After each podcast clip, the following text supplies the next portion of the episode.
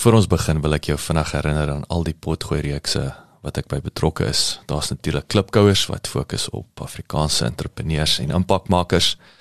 Boerpot wat fokus op die besigheid van landbou. Nostalgooi my nuutste reeks waar ek gesels met uh legendes van die Afrikaanse vermaaklikheidsindustrie. Mense soos David Kramer, Anton Goosen, Sandra Prinsloo ensovoorts. En dan my twee nuwe potgooi reekse. Buscrash wat die Engelse boetie is van klipkouers en dan Pot of Gold wat gefokus is op die besigheid van mynbou. As jy in Pretoria is, kom maak gerus 'n draai hierop by ons plek uh in die R21 Corporate Park genaamd Bouma at 21 waar ons 'n kafee het, ons het co-working space, ons hierdie uh uh um, raadsaal uit en my ateljee is hier. So as jy is, kom drink gerus 'n koffie en kom sê hallo. Welkom by die Klipkouer Saakondersteuningsnetwerk Potgooi radioprogram, oftewel die Klipkouer Son Potgooi radioprogram waar ons elke Vrydag tussen 6 en 8 in die oggend met jou regstreeks gesels. In hierdie episode fokus ons op finansies. Lekker leer, lekker luister. Ernest Stander. So vandag is dan nou die die laaste gedeelte van die MBA in eiendomsbelegging. So ons praat bietjie oor die A wat dan nou alternatiewe befondsing is spesifiek vir eiendom. Maar dan nou so gepraat van eiendom wil ek dan nou net begin met uh, koning Leeu se huis. dis 'n dis weer vars angle daai. Ek hou van hierdie storie. So eendag is koning Leeu daai die die koning van die oerwoud, is hy daar in die oerwoud. Maar hy kom toe nou agter sy huis se dak lek. En ehm um, hy wil anyway bietjie hy wil anyway bietjie aanbou ook. So hy vra toe vir Eekoring, sal jy vir my 'n paar takke gaan afkou? en dan help bietjie bou, my dak regmaak en bietjie aanbou. Hy sê toe vir die eekoring dat ek sal vir jou 11 sakke akkers gee as jy hierdie huis vir my kan klaarmaak. En eekoring maak sy somme en hy besef toe nou dit sal beteken dat hy kan op pensioen gaan. Hy Hy hoef nou nooit weer akkers bymekaar te maak, hy het genoeg. Eekoring begin toe nou daar sou dit bome afkou en takke afkou en hy bou leeu se huis vir hom blerry smart. Maar hy het, hy het nie geweet hoe lank dit gaan vat nie. So dit vat toe nou baie langer as wat hy gedink het. So in die oggende is dit vroeg uit die huis uit gaan bou uit die huis. Laat aande, nie tyd vir die eekoring kindertjies nie. Mm -hmm. Kom nie by hulle uit nie. Sy chommies naweke doen hulle wat eekoring soos naweke doen. Ek het nou nog nie gaan kyk nie. Hulle nuts. Hulle hulle ja, they go nuts ja. Speel met hulle nuts. Ehm um, maar um, hy kan nie saam speel nie. Hy moet koning Leeu se huis klaarmaak. En dit het actually 'n hele paar seisoene lank gevat om hierdie huis klaar te maak. Nou ek is weer eens ek is nie spesialis in die wild gedeelte diere en goed nie, maar ek dink nie eekorings lewe 20 jaar nie. So 'n paar seisoene was 'n goeie deel van sy lewe wat hy toe nou hierdie huis klaar bou. Toe die huis uiteindelik klaar is, toe gee koning Leeu vir hom sy 11 sakke ak akkers en hy is te bly hy hoef nooit weer te werk nie. En toe hy daai eerste akker byt, toe kom hy agter sy tande is nou so stomp. Hy kan nie hy kan nie hierdie akker gebyt kry nie. En so het hy sy tande stomp gekou om om koning Leeu se huis klaar te maak. Kan ek net Wow, ja, dit is goed. Ja.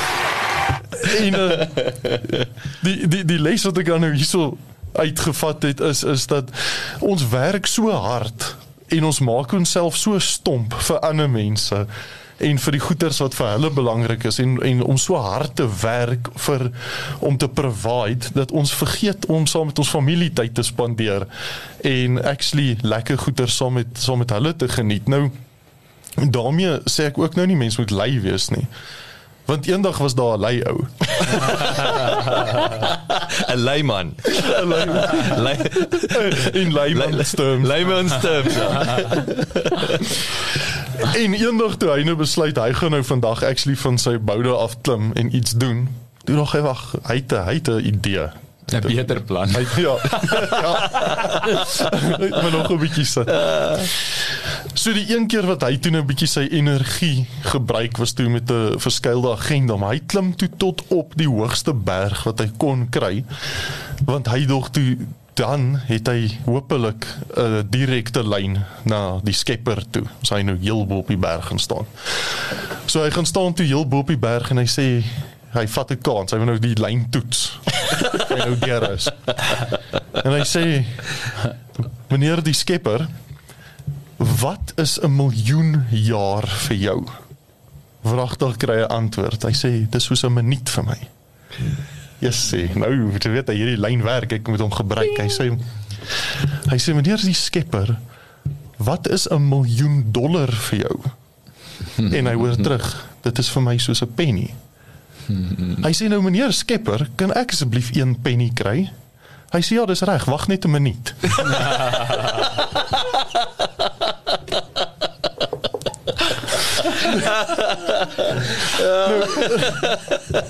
so so dit werk ook nie so dat ons nou so nou voel jy nou 'n oop lyn wat jy nou net geleenthede uit die uit die lug uit gaan val. Jy moet maar werk. So, jy, moet, jy moet maar. Iewers tussen die eetkoring en hierdie leiman, daar iewers is 'n goue middeweg wat ons moet kry. Nou ek dink as ek nou moet sê waar ek tussen daai twee val dan dink ek ek is so 'n bietjie nader aan die man uh bietjie leier, maar dit beteken ook mens kry partykeer meer beter en makliker maniere om goed gedoen te kry. Nou goed, so ons het in die vorige 2 weke het ons gepraat eerste oor die M om 'n gemotiveerde uh verkoper te kry. Ehm um, dit is die vinnigste en die direkste manier om 'n goeie deal te kan kry. Die volgende week het ons laasweek het ons oor die B gepraat, 'n bietjie oor berekeninge te doen. Nou weet jy wat is 'n goeie deal. Nou vandag gesels ons bietjie oor jy het nou hierdie goeie deal gekry en baie opgewonde by die bank gaan aansoek doen vir uh, vir 'n paar rand en die bank sê toe nee. So wat is nou jou opsies om nog steeds in eiendom te kan belê sonder om die bank se geld te gebruik? Nou ek wil ook dan hierson net eers vinnig sê dat dit is meeste van die tyd is dit die maklikste en die vinnigste manier en en die goedkoopste manier om wel die bank se geld te gebruik. So as jy daai luxury het of of as die bank ehm um, van jou hou en jou kredietrekord dan is daai die die makliker manier.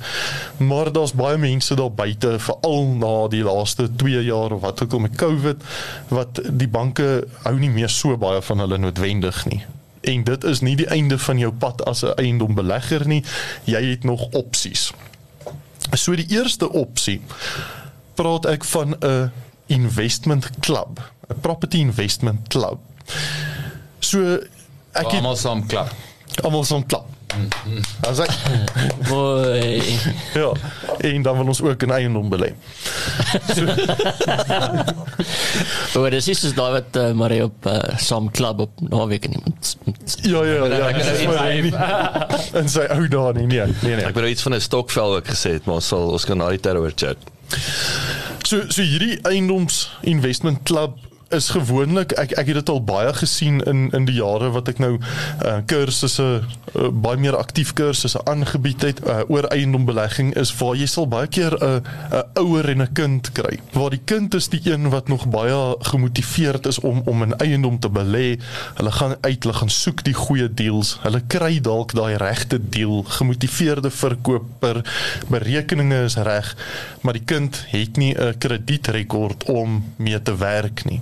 In so 'n geval kan mens 'n uh, maatskappy stig. Die ouer en die kind is albei aandeelhouers in hierdie maatskappy. Maar mens maak net die persoon met die gunstige kredietrekord 'n direkteur van die maatskappy.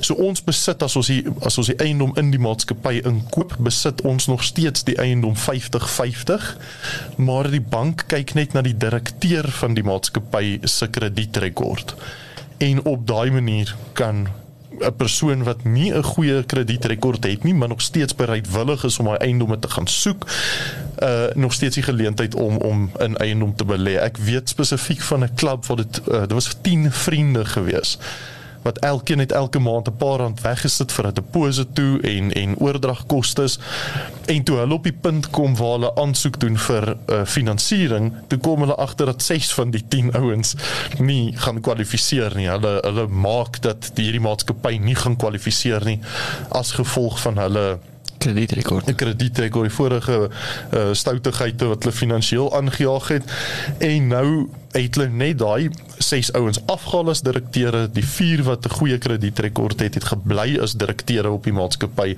en so kon hulle nog steeds die eiendom koop en dit het was nog steeds almal se eiendom. So, so ek begin dit te vra vir aangesien ons 'n regsman ook hier so het. Hoe hoe werk dit? Is dit het jy nog steeds equity in die company, maar jy's net nie 'n direkteur nie? Ja, so die direkteure is in beheer van die maatskappy en hulle het die reg om die maatskappy te bind. So die een wat die kapitaal dan insit wat skien in die game het, het dan ook beheer. En dit forceer dan die een wat die, wil nie sê die free ride nie, maar die een wat die werk gaan moet doen, maar wat nie skien in die game het nie om te moet bietjie afback of uitback met die besluitneming hmm. sodat daar ja toegegee kan word aan aan daai en so dit beteken eintlik dat die ene wat nie direkteurskap het nie moet ekstra versigtig wees nê nee? want as jy nou windgat raak dan kan jy net geveto word. Ja, daar is daar is altyd ehm um, as jy jy kan nie alles net vir jou hê nie. So ja, dit gaan bietjie jou besluitneming binne in die maatskappy, maar dan kom dit ook nou weer op 'n shareholders agreement en jy kan sekere ja, goedjies daar kan sit en uh, mense beskerm. Gesag delegate. Die direkteur kan sê ek stel jou aan as 'n bestuurder en jy het die sekere magte, maar hmm. dit is dan kontraktueel en kan weer teruggetrek word. En en nog steeds in hierdie geval waar daar 10 aandeelhouers was, het elkeen eweveel kapitaal ingesit van hulle eie kapitaal, maar net die direkteure het dan die lening vergunning voor aansoek gedoen. Ehm um, die die verband op daai spesifieke eiendom dan nou. So dit is dit is een van die maklikste maniere want jy gebruik nog steeds die bank se geld selfs al kwalifiseer jy as persoon nie noodwendig vir die lening nie. Gebruik jy nog steeds die bank se geld wat uh, meeste van die tyd 'n bietjie goedkoop. Bank se geld in jou pelse credibility. Ja, yes, presies.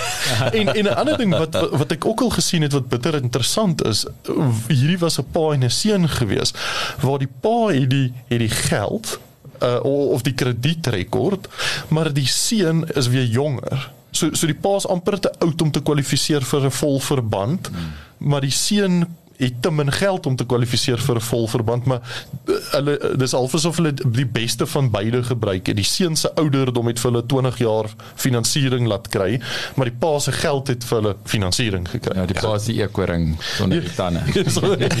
ja, ja. Ja. Hy het lank gekou en hy heel maar dit maak werk. nou nou nou speel hy seën met die akkers. ja. ja. Hy was 'n wakker akker wat die geleentheid gesien het en en dit gemaak werk gewerk het. maar in ag so lank net nie met koning Leeu lol nie. Die volgende strategie wat mens kan gebruik en en dit is nou sê net jy het nou nie daai luxury nie. Jy het nie 'n vriend of 'n ouer of 'n persoon wat kredietwaardig is en wat vir jou daai finansiering kan kry nie. En hierdie is 'n ek ek hou vreeslik baie van hierdie strategie die R2R R2R strategie noem ek hom. So dit is rent to rent. Ek het ek het hierdie strategie self al baie suksesvol gebruik in die verlede. En ek weet Jacques was al was al by een van my rent to rent eiendomme gewees. So wat ek daar gedoen het is en dit was ook nou pre-COVID het ons 'n kantoor gehuur. Dit so dit was eintlik 'n groot residensiële huis wat ek gehuur het ons sê dit gebruik as ons kantoorspasie maar dit was die huis was te groot geweest. Daar was daar was baie spasie nog oop geweest. En ons het daai spasies ook uitverhuur. So daar was byvoorbeeld prokureurs op 'n stadium in in 'n gedeelte van hierdie huis geweest. Daar was 'n accountant in die huis geweest en hulle het sulke stukkies van hierdie oh, eiendom oh, by ons gehuur. Hulle het ook iemand in die garage gehad nê ons het ja die ja. prokureurs was hulle in die garage. dis net die entrepreneur nie in die garage. Hulle O, is ja, ja, van die dit is Dis waar dis waar die dis waar die wêreld se grootste maatskappye begin is in die garage. ja, in die garage. Ja, so of hulle Dis die word prime spot, nee. Ja ja ja, daar ekstra. jy betaal ekstra vir die garage. Ja, ja da- daai spesifieke firma het uit die garage uit net nooit weer uh, hulle hy bestaan nie meer nie, maar Hy Seer op die Dit vinger was een van die een van die slegter graak stories dan nou. Garage In elk geval ja, so ja. so dit was 'n netjies graak. So ek meen die vloer was geteel, daar was 'n plafon gewees, nie net 'n oop dak nie.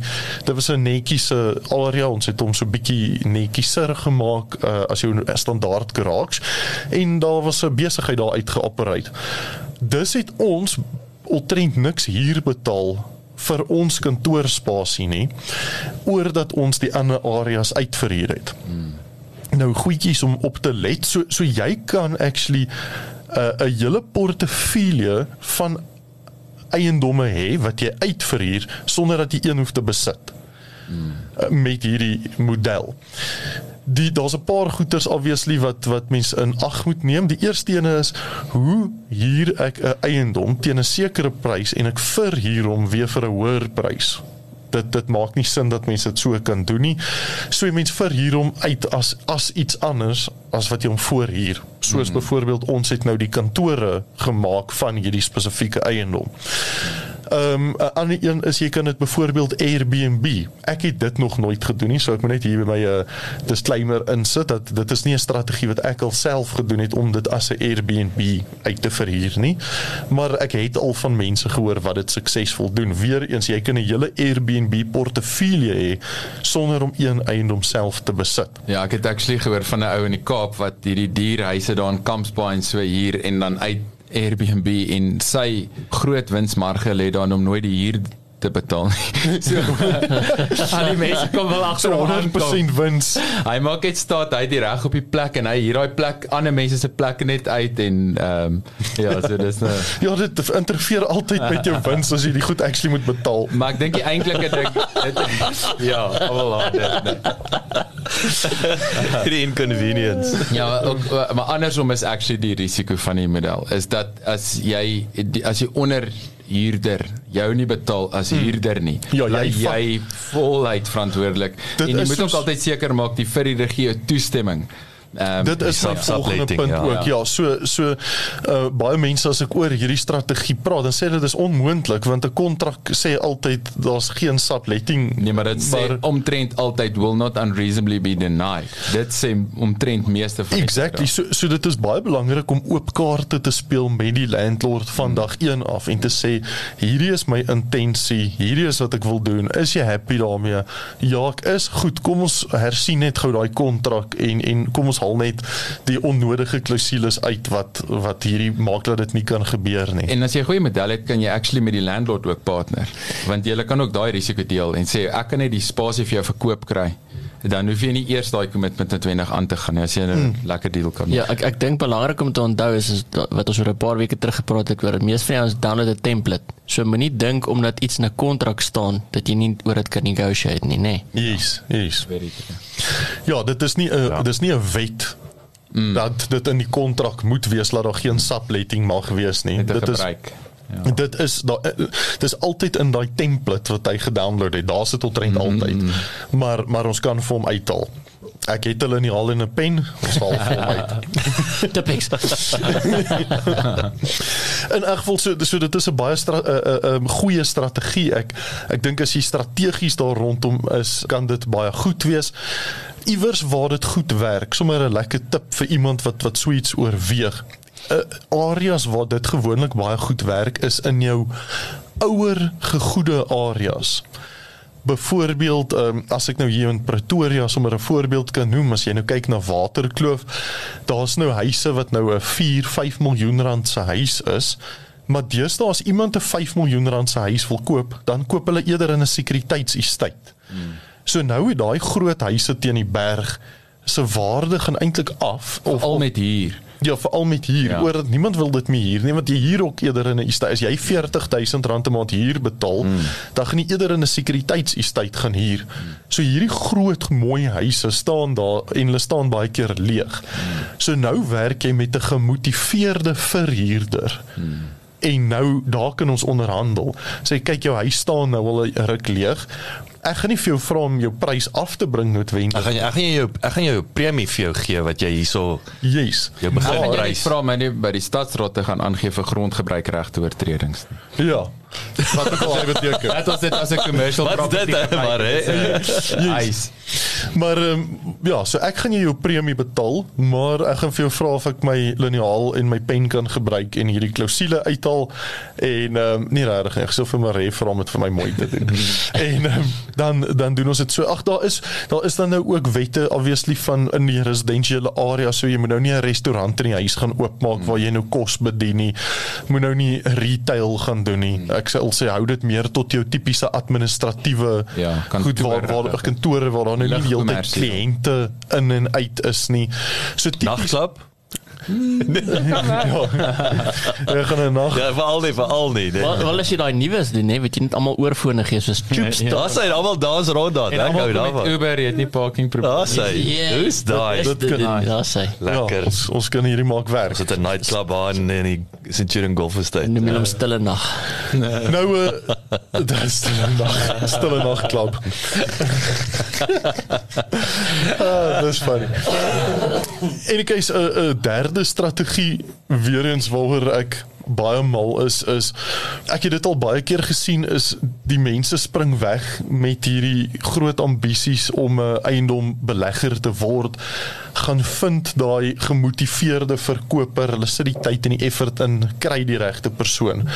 Hulle doen die berekeninge die deal is goed. Hy's 20 30% onder markwaarde gaan bank toe en hulle kry nie 'n lening nie weer eens daai's nie die einde van van die journey vir jou noodwendig nie. Daar is iets wat ons praat ons noem dit 'n spotter, 'n eiendom in 'n property investment spotter. Nou daai mense het die vaardigheid geontwikkel om daai eiendom te gaan soek, die berekeninge te doen en dit dan te verpak. En as jy daai deal reg verpak het, dan vat jy hom vir die belegger wat wel die geld en die kredietwaardigheid het en hulle koop die geleentheid by jou om daai eiendom te kan koop. Ek het al gesien dat die die gemiddelde spotter fee maklik wissel tussen 15 en 25000 rand kontant wat jy kan kry oor dat jy die moeite In jou gaan doen het. maxi spaar. In jou maxi spaar, ja. So ek eh, hoeveel 15000 rande het jy nodig spesifiek om om te kan op oorleef? En almal se antwoord is nou anders maar daar's soos baie mense wat hierdie voltyds vir 'n lewe doen is hulle gaan soek goeie deals hulle verpak dit en hulle vat dit vir hulle beleggers. Eh, as jy 'n eiendom vir 2 300 000 rand onder markwaarde kry en jy vra 15 000 rand vir, vir jou moeite daarvoor dan uh, is meeste beleggers meer as bereid om om dit vir jou te betaal. So dit is dit dit is 'n lekker manier om in die eiendombedryf in te kom want jou risiko is baie laag. Jy vat nie enige groot kansse jouself nie. Ehm um, jy het nie kapitaal nodig nie en jy kan wel ook daai geld gebruik om jou kredietrekord in rehab te sit en en hopelik oor 'n jaar of twee van nou af kan jy daai deals self begin te koop. As ek dalk kan bynoem want ek dink is dink dat dit is maar seker baie naby aan daai klub van jou maar hulle noem ook um, Real Estate Investment Trust uh, REITs wat maar amper ook soos 'n tipe klub is waar ouens portefeuilles saam belê. Dan kry jy ook uh, gelyste uh, portefeuilles, jy weet soos Sima Growth Point en Accelerate mm -hmm. van Atterbury waar jy kan op die uh, Op die beurs. Ja, op die beurs mm. belê en uh, kapitaalgroei en dividende kry en dis ons wat nou malls bou en kantoorblokke en sulke tipe goeders. Ja, so en dan 'n ander ding, dis nou 'n bietjie van die ander kant af, nie noodwendig 'n bron van finansiering nie, maar 'n bron van omset. Uh wat uh, ander mense nou weer doen is om op uh, eiendomstransaksies bridging finance te doen. Soos veronderstel iemand sit hulle eiendom in die mark en hulle kort eh, die ingenieur so 3 en 6 maande verkoop, dan leen hulle teen daai ehm um, voorgenome transaksie geld uit want dan kan die die koper of die verkoper is dan half 'n bietjie stout want jy kan nou trek teen jou huis hy's nog jou en hy's nog nie verkoop nie maar die een wat die geld leen se sekuriteit is dan dat jy kom in elk geval 'n transaksie ek hoef nie eens die ding op auction te sit nie hy gaan klaar verkoop word en ehm um, het dan daai sekuriteit of of waar iemand ook agterraak met 'n huisverband om dan daai verband eintlik uit te koop en dan 'n ander verband te vat. Partykeer dikwels sien hoër rente as wat die bank sou. Presies, so, so, so daar is daar's 'n 'n hele klomp verskillende opsies om eiendom te koop en in eiendombeleggings betrokke te raak sonder dat jy die die bank se finansiering nodig het veral dan nou as jy kyk na tipies 'n flip Jy koop met die doel om so gou as moontlik weer te verkoop, dan kan jy 'n belegger betrokke kry wat vir jou basies daai bridge finance kan kan gee. Jy verkoop die eiendom weer, uh, jy betaal 'n sekere persentasie rente wat jy voor die tyd geonderhandel het met die met die belegger en van daar af maak jy jou paar rand op op so 'n tipe flip. Dit wat jy maar wat jy nou sê van as iemand bietjie agter geraak het met hulle met hulle finansiering betalings, ek het al in die verlede ook so 'n transaksie gehad waar die hulle was op die punt om hulle huis te verkoop ag te verloor so hulle was die huis sou op auction gegaan het ek het daai agterstallige dit was nie so baie nie ek het daai agterstallige paemente gaan betaal maar ons het op daai punt 'n kontrak geteken wat amper vir my die sal mandate gegee het om daai eiendom namens hulle te bemark en te verkoop en dan het ons die bank terugbetaal en die die wins bo op die huis het ons dan nou verdeel. So, nice. En en dit was 'n uh, uh, idee wat ek vir hulle gebring het om te sê of julle gaan julle huis verkoop of ons deel die upside as ek julle uit die nonsens uitkry so ons verkoop julle huis. Dis wel Jy verloor verloor jy of jy verloor die huis of ons of ons doen 'n deal en Presies. Almal wen. uit dit, ja. So ja. so daar's ons 'n hele klomp ander alternatiewe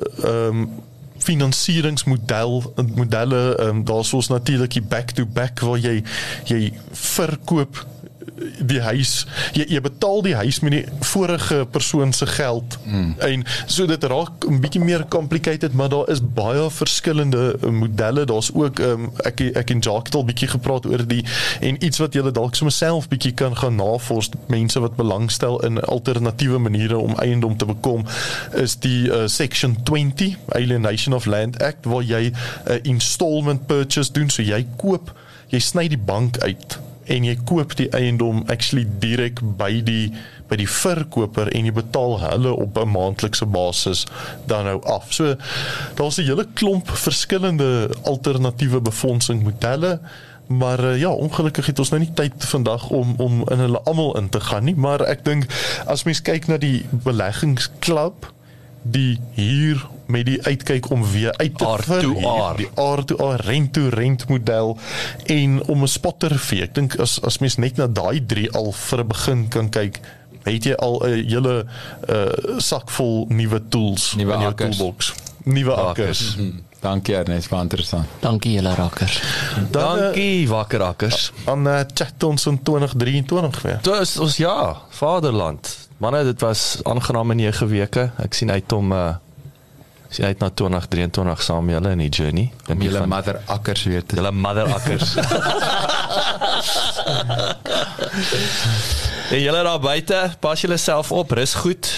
Wees veilig. En ehm um, hou hoop. Hmm. Ek dink 2023 ek dink dit gaan 'n goeie ene wees. Hmm. Gaan 'n goeie ene wees. en vat nou maar 'n ietsie nuwejaars want Januarie gaan ons monk Jy gaan Yes. monk. Ja, so drink nou maar, maar nou nou nie. Jy moet nou nie vir die nou jaar se voorraad Jy drink self nou nie monk drink nie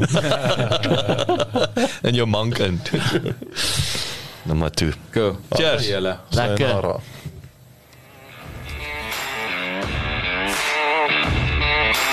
Dankie dat jy geluister het. Besoek asseblief ons webwerf by www.klipkouers.com. Teken sommer in sodat ons jou op hoogte kan hou. Baie belangrik gaan luister na ons ander potgooi reeks en episode op Spotify, Apple Podcasts of YouTube. Baie belangrik as jy hou van wat jy hoor, los asseblief 'n resensie sodat ander lekker mense soos jy van ons episode te hore kan kom. En kom volg ons op sosiale media. Besoek net vir Klipkouers op Facebook, Instagram, Twitter, TikTok en natuurlik LinkedIn.